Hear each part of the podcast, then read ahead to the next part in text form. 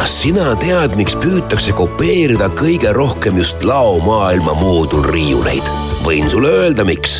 sest paremat süsteemi pole veel välja mõeldud. laomaailma moodulriiulid on loogilise konstruktsiooniga, vastupidavad ja mitmekülgse kasutusega. tule läbi laomaailmast ja veendu ise. lähem info laomaailm.ee Kuku Raadios välja öeldud seisukohad ei pea ühtima Kuku Raadio seisukohtadega. Te kuulate Kuku Raadiot.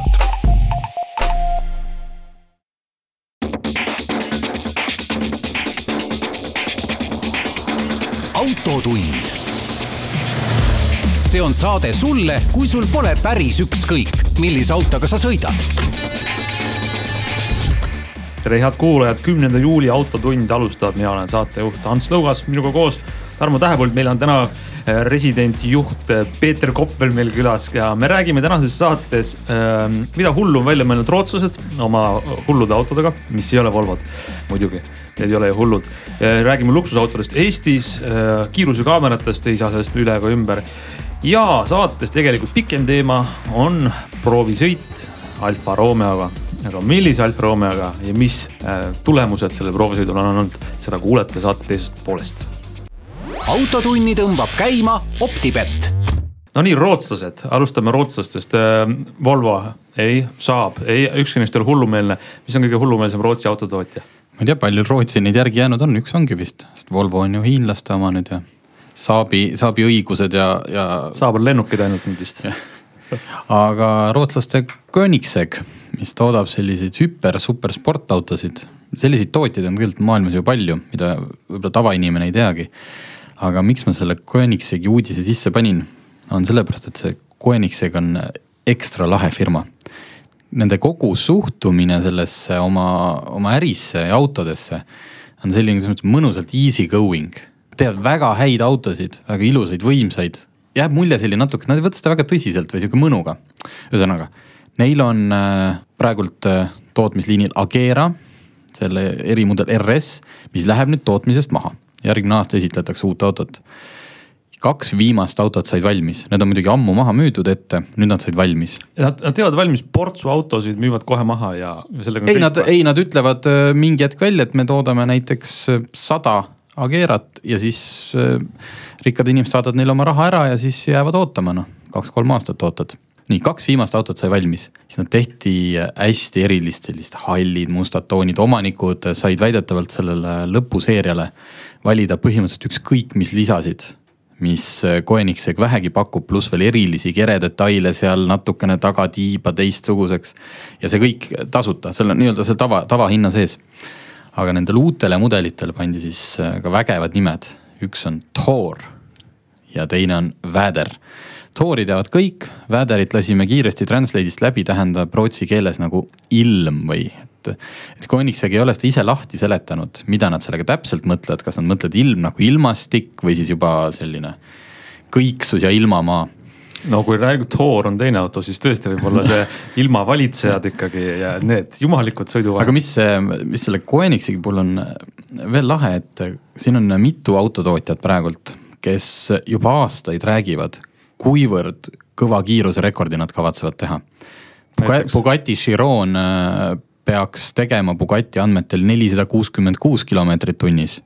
Chiron on Bugatti Veyroni järeltulija, mida, mis veel ei sõida. ei, sõidab, sõidab ammu juba ja siis on ameeriklaste Hennessy, kelle Venom F5 peaks tegema lausa üle neljasaja seitsmekümne. aga probleem on selles, et nad on seda aast-, mitu aastat juba rääkinud. kohe, sellepärast et põhiliselt tuuakse välja, probleem on rehvides et need autod on nii rasked, see, see pinge ja see koormus, et nad ei saa garanteerida, et need rehvid ribadeks ei lenda.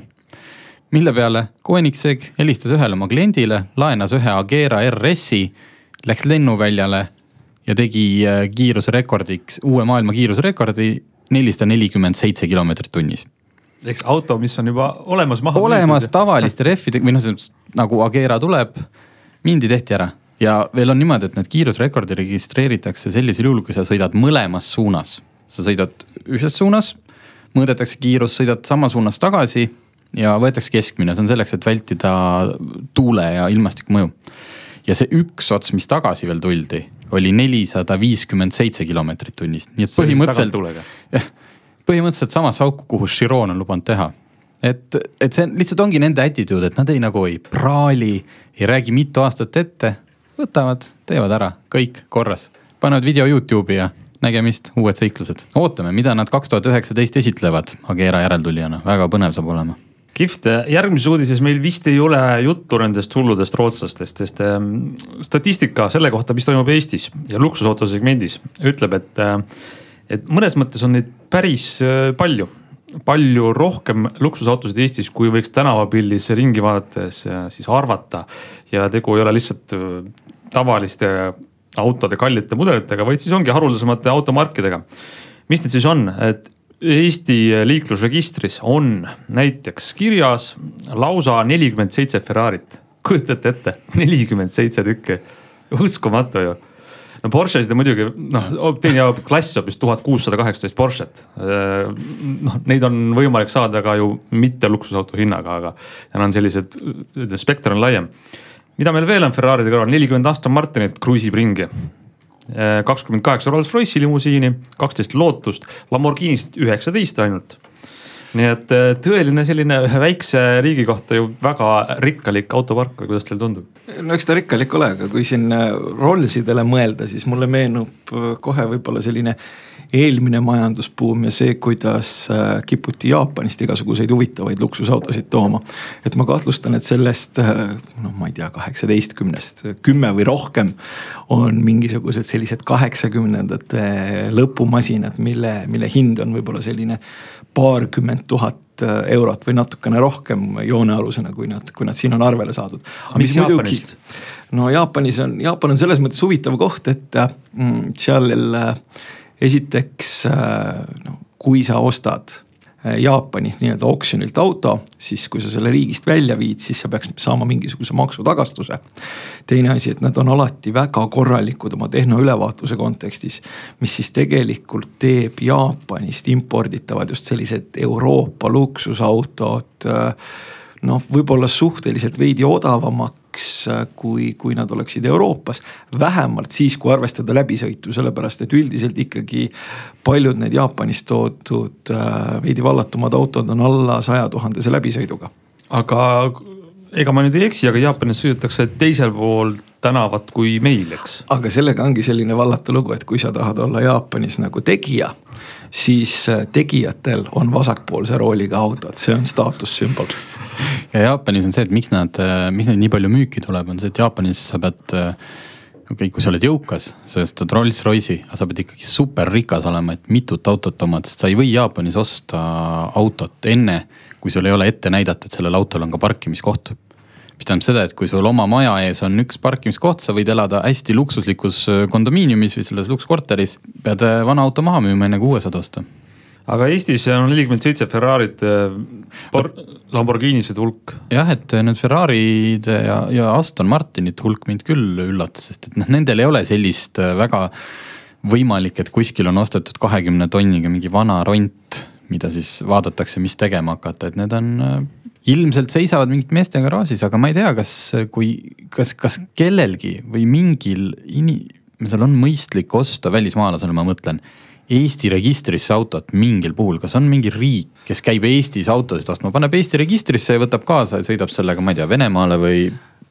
no on mingisuguseid kõlakaid olnud, et on, ütleme näiteks äh, selgelt äh, Venemaaga seotud ärimehi, kellel siin ikkagi on mingisugune kinnisvara ja, ja, ja business ehk siis see seos Eestiga olemas, et nemad pidavad äh, natukene Euroopa soojemates piirkondades aeg-ajalt sõitma Eesti numbritega ringi selge, lähme siit väiksele pausile.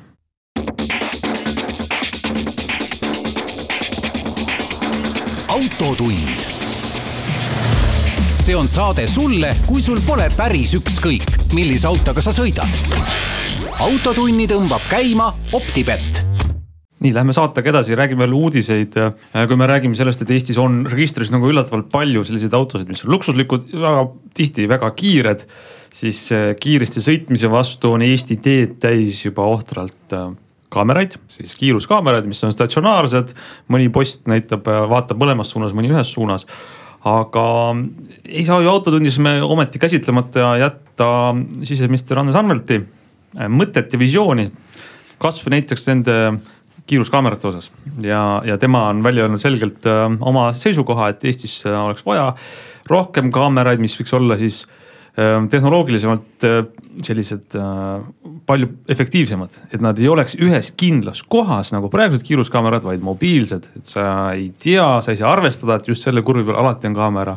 Ja võib-olla nad võiksid teha veel enamgi kui ainult kiirust mõõta. kuidas meil siin stuudios selle kaameratega suhe on, et kas te põhimõtteliselt arvate, et see on väga halb asi või väga kasulik asi Eesti liiklusele? kaamerad jälgivad, mitte politseipatrull teie ääres no mina arvan, et põhimõtteliselt arvestades seda meie liikluskultuuri ja seda, et ikkagi selliseid äh, hinglendureid kipub äh, meil päris palju olema, siis äh, noh, mingisugused sellised meetmed, mis kutsuvad korrale või, või, või sunnivad veidikenegi mõistlikumalt käituda, noh, need on igati, igati õigustatud.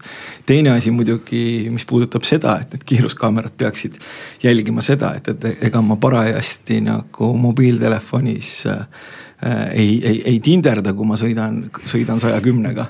siis äh, noh, see idee Äh, noh, see on kuskil, see on selline väga orwellik ja ma olen suhteliselt veendunud, et kuigi ise mitte olles jurist, tõmbavad juristid selle, sellel vaiba alt ära, keeravad selle idee sinna vaiba sisse rulli ja togivad teda jalgadega nii kaua, kuni ta enam ei liiguta muide, mina, mina, mulle tundub vähemalt, ma nüüd ei ole täpset analüüsi teinud, aga tehniliselt ei ole see keerukas. teha kaamera, mis analüüsib ja maailmas juba eksperimenteeritakse sellega, analüüsib siis äh, seda videopilti, mis ta näeb.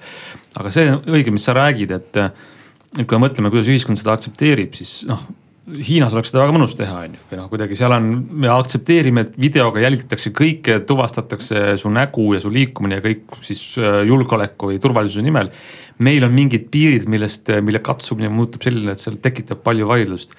aga, aga mis mind üllatas, on see, et, et minister rääkis oma plaanis pigem sellest, et meil on mobiilsed kaamerad ja igasugu väga kõrgtehnoloogilised kaamerad.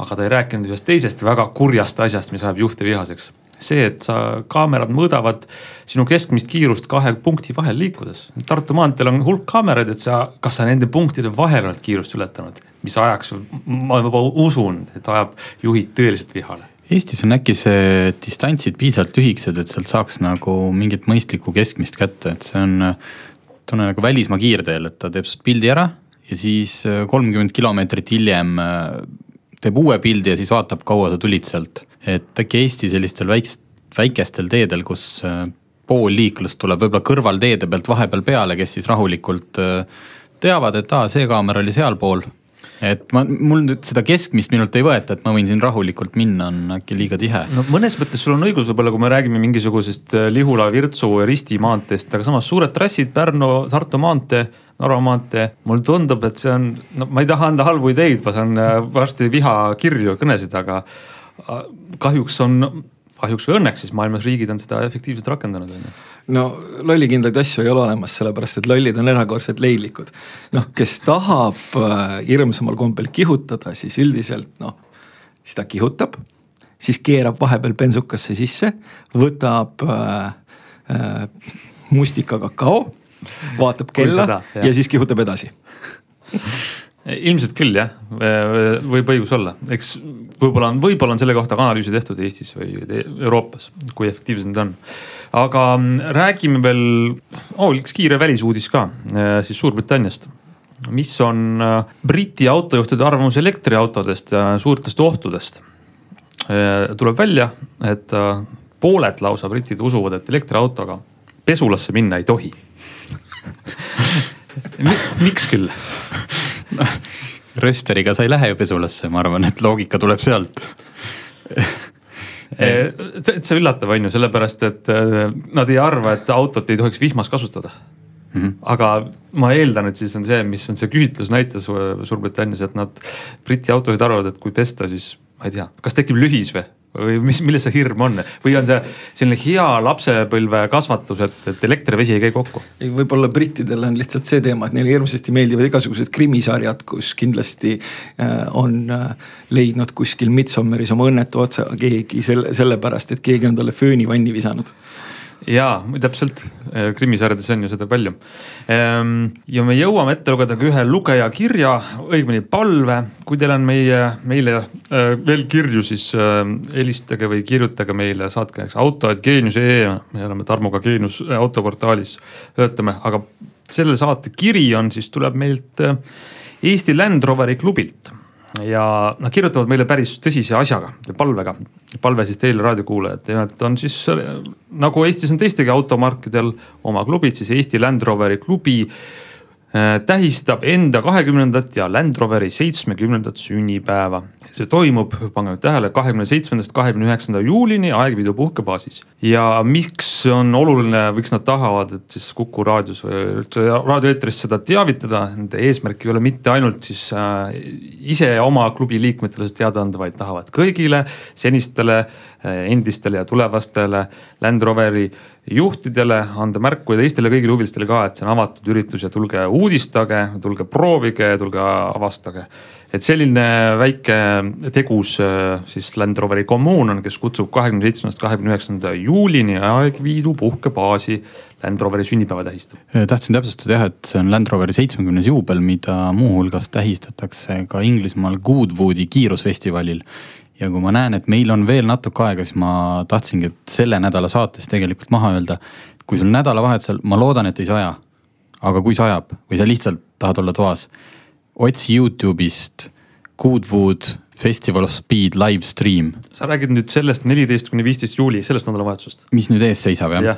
ja pange omal see näiteks telekasse või kuskil taustaks käima, sest see Goodwoodi kiirusfestival on üks aasta sellist tippsündmus, kuhu kohale tulevad kõik ägedad tootjad, seal tähistatakse oma juubeleid, seal toimub mäkkesõiduvõistlus, kus äh, superautod äh, üksteisega mõõtu võtavad täiesti jabural kuskil mõisa tagatee peal, et äh, see on selline tõelise bensiini lõhna kõige fänni, seal on elektriautod ka muidugi. selline, selline üritus ühe lordi hoovis, et otsige Goodwood Festival of Speed live stream ja. ja see nädalavahetus jah. see nädalavahetus jah no vot, sellised äh, avalikud teadaanded, üleskutsed kõigile meie kuulajatele, aga meie läheme siit väiksele pausile.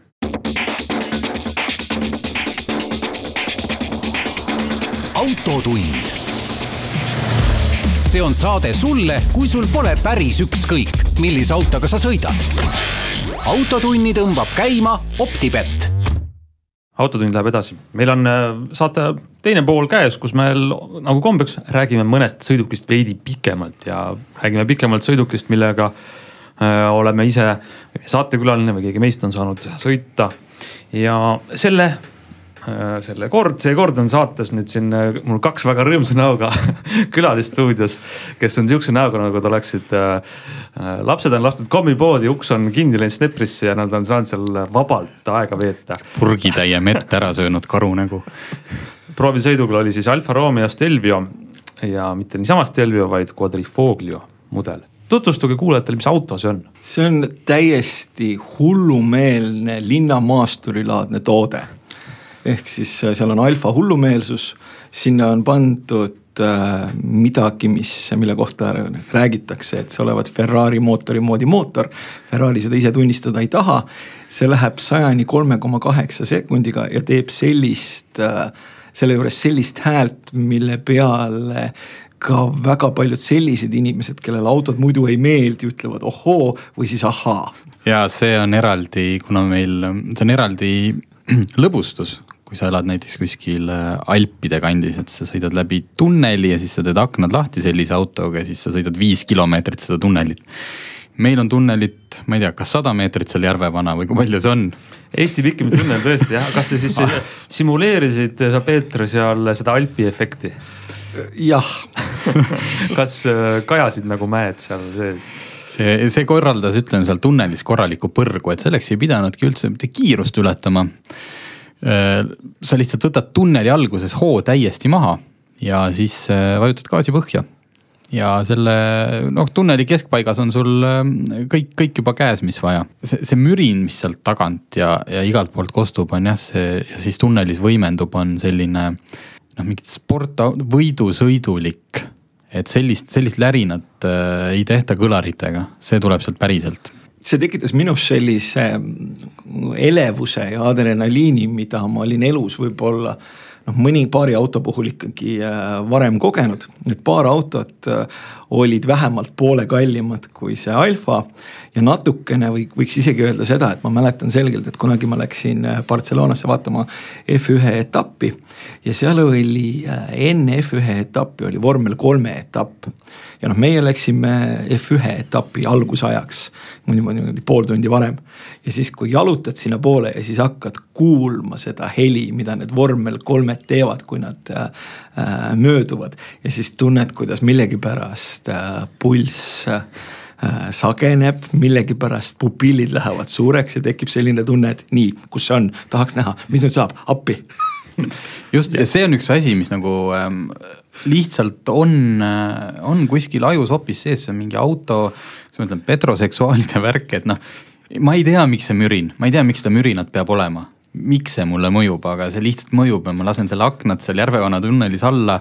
naeran nagu väike laps, no ärge küsige, ei ole loogiline, ei ole mõistlik, aga jube kihvt on. mis seda mürinat seal teeb, seal kapoti all? Ja mis see quadrifoglio tähendab? Quadrifoglio, midagi peaks see neljaga olema. nii, nüüd seda alfa spetsialist räägib.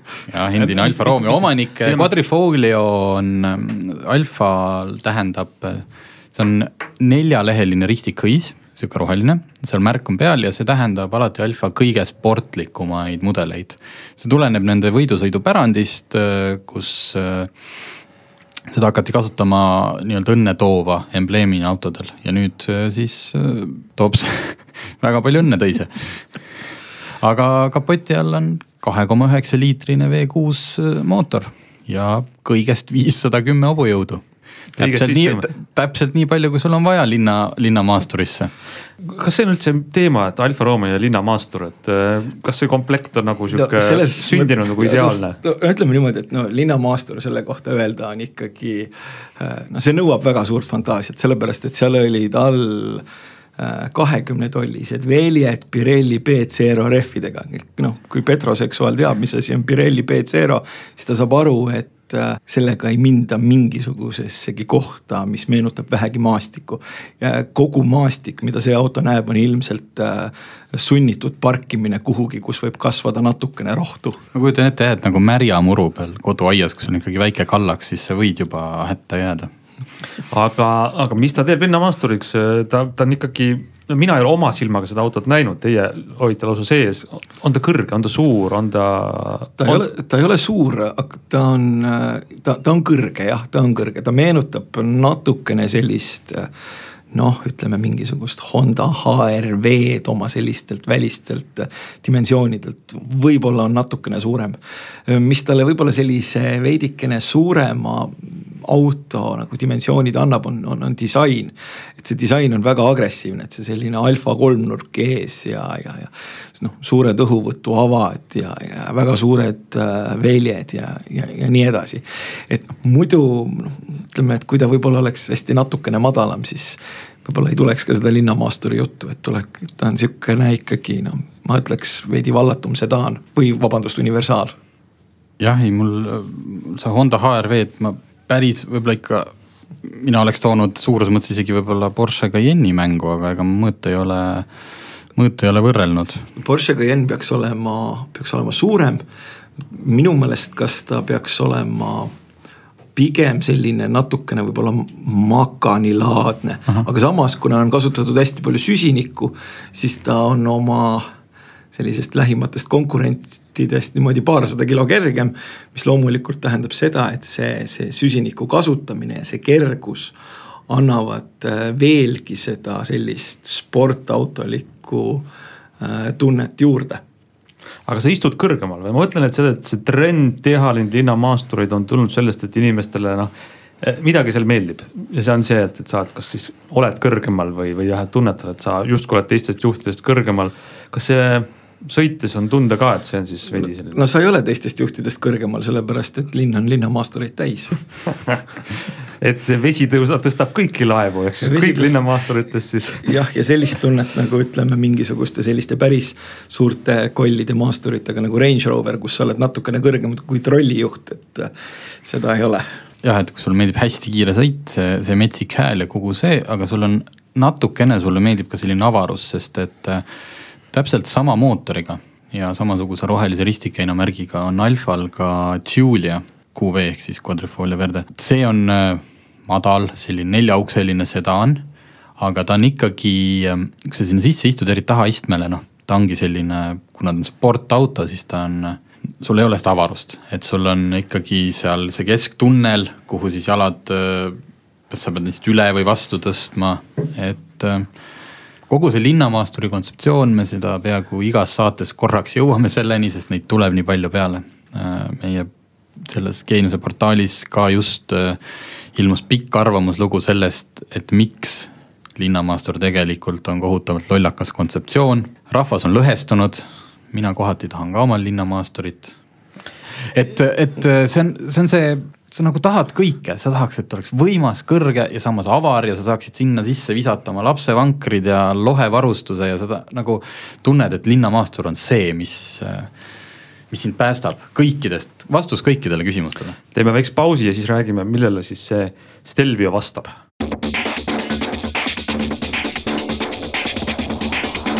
autotund see on saade sulle, kui sul pole päris ükskõik, millise autoga sa sõidad. autotunni tõmbab käima Optibett. Nonii, lähme autotunniga edasi. Äh, Alfa Romeo Stelvio on meil jutuks, aga mitte tavaline Stelvio, eks, kas, äh, mis vahe nüüd on sellel, et sul on äh, Stelvio, see Alfa Romeo linnamaastur ja siis on see QV versioon, mis sa ütlesid, on väga võimas, kas siis tavaline Stelvio on on rahulik pereauto või? ta ei ole päris rahulik pereauto, et ta on ikkagi selline natukene, natukene vallatum. aga noh, mina muidugi tahaks teha sellise, sellise vallatu võrdluse, et noh, vahe on nagu käsisael ja mootorsael. et käsisaag on ka väga hea tööriist, eriti kui sa oskad seda kasutada.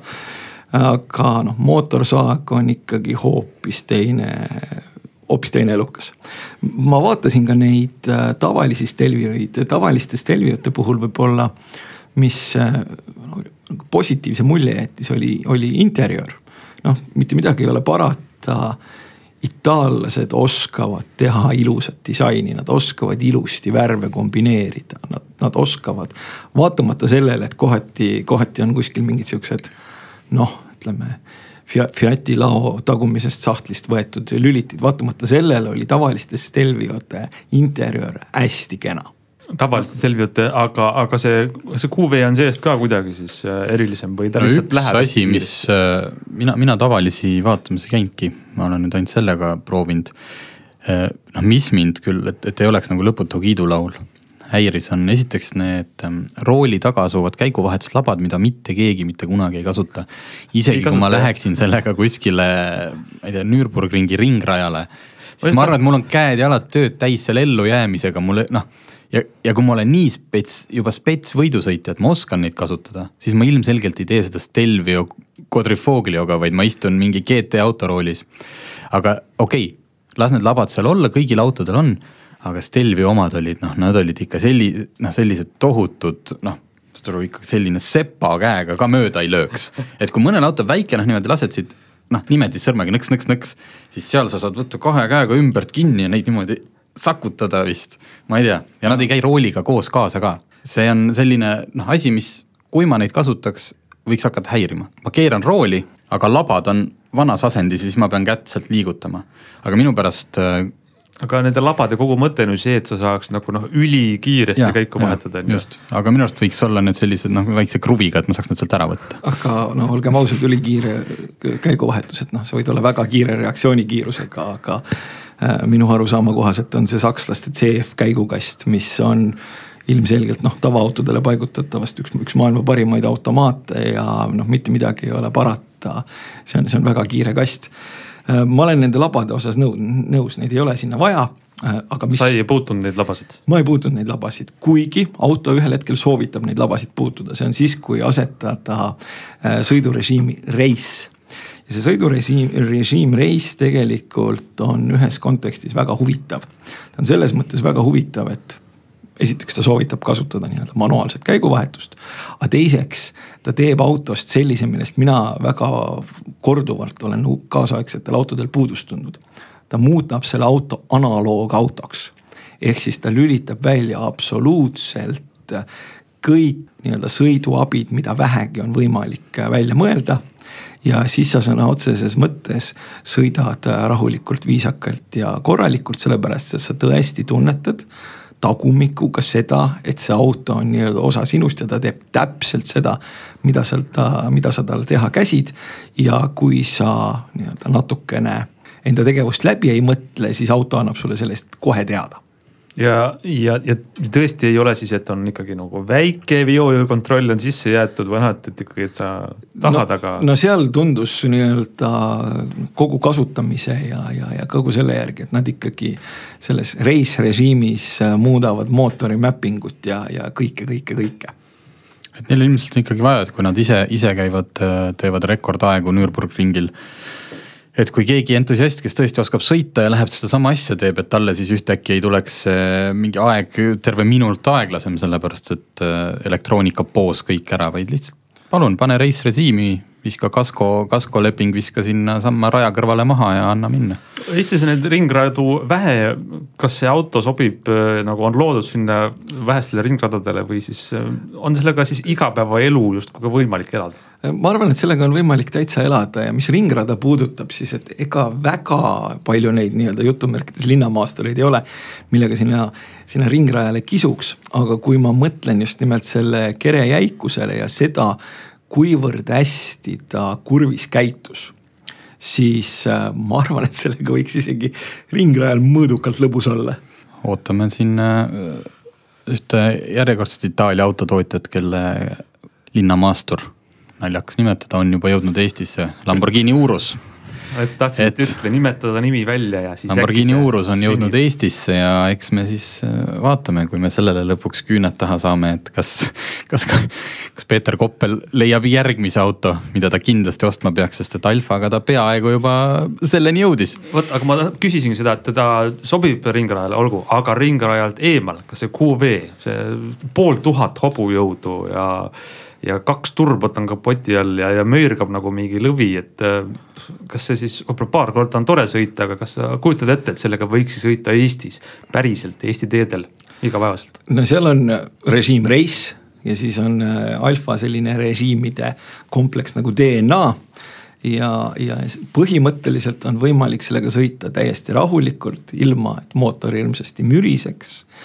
äh, ja, ja see on, minule jättis see igal juhul tunde, et seda on võimalik päris hästi äh, igapäevaselt kasutada, et sa põhimõtteliselt saadki ühes pakendis ütleme võib-olla kuskil poole odavamalt kui esimene konkurent, sa saad noh linnamaasturi, sa saad pereauto sa saad äh, midagi, mis on täiesti hullumeelne, sa saad midagi, mis on sportlik, sa saad midagi, mis on jäik, sa saad midagi, mis teeb imelist häält ja sa saad midagi, mis tegelikult noh, läheb õigesti, õigesti ehitatud kurvi niimoodi, nagu ta oleks tee külge liimitud sihuke ideaalne auto jaapanlasele, kellel on ainult üks parkimiskoht ja ta saab osta ainult ühe auto tuleme tagasi Jaapani juurde ähm,. võib-olla selle, selle auto hind ei öelnud, aga see on siis äh, algab seitsmekümne kuuest tuhandest eurost. ei ole ilmselt auto, mida iga tavaline Eesti autojuht ostab, aga see, kes võiks seda osta. miks sa ütled, et see lähim konkurent on siis poole kallim? Mis, kes need konkurendid on ja, ja kes ei ole mida sa seitsmekümne kuue tuhande eurost siis ei saa või? no ma arvan, et selle ra-, ühesõnaga kui me räägime nendest võimsusnumbritest ja emotsioonist, siis äh, ikkagi keegi, keegi Porsche'st, mingi kangem Cayenne või Macan, Maserati. aga need on ka kallimad. just, just, et, äh, et ei, see ilmselgelt ei ole jah, ei, ei, ei keegi Škodast ega. aga ma kahtlustan, et see hinnapunkt on pandud äh, ka noh meelega sinna, et see teatud tüüpi inimestele just nagu kõige, kõige suurema mulje avaldaks ja noh, eks natukene salongis võib-olla, kui ma siin enne neist tavalistest Elviote äh, salongi kiitsin, siis äh, noh, selle kõige hurjuma versiooni salongi osas äh, võib-olla mõni muu auto sarnasel hinnatasemel, ilma küll selliste dünaamiliste ja hullumeelsete näitajateta, suudab selle salongi ikkagi paremini teostada. aga ma näen äh, Eesti teedel tohutult palju autosid, mida ma eeldan, hinnad jäävad sinna seitsmekümne, kaheksakümne tuhande euro kanti ja need on kõik need suured linnamaasturid. jah, X5-d.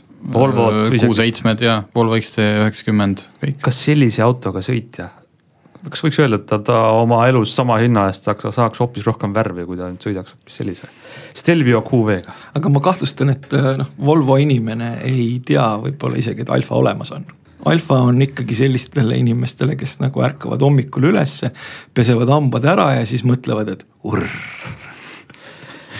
meie saateaeg on läbi, loodetavasti oli meil täna kuulajate seas keegi, kes nüüd sai teada, mis on alfa, mis on Alfa Romeo Stelvio ja mis on Stelvio Quadrifoglio. aga oleme taas eetris järgmisel nädalal.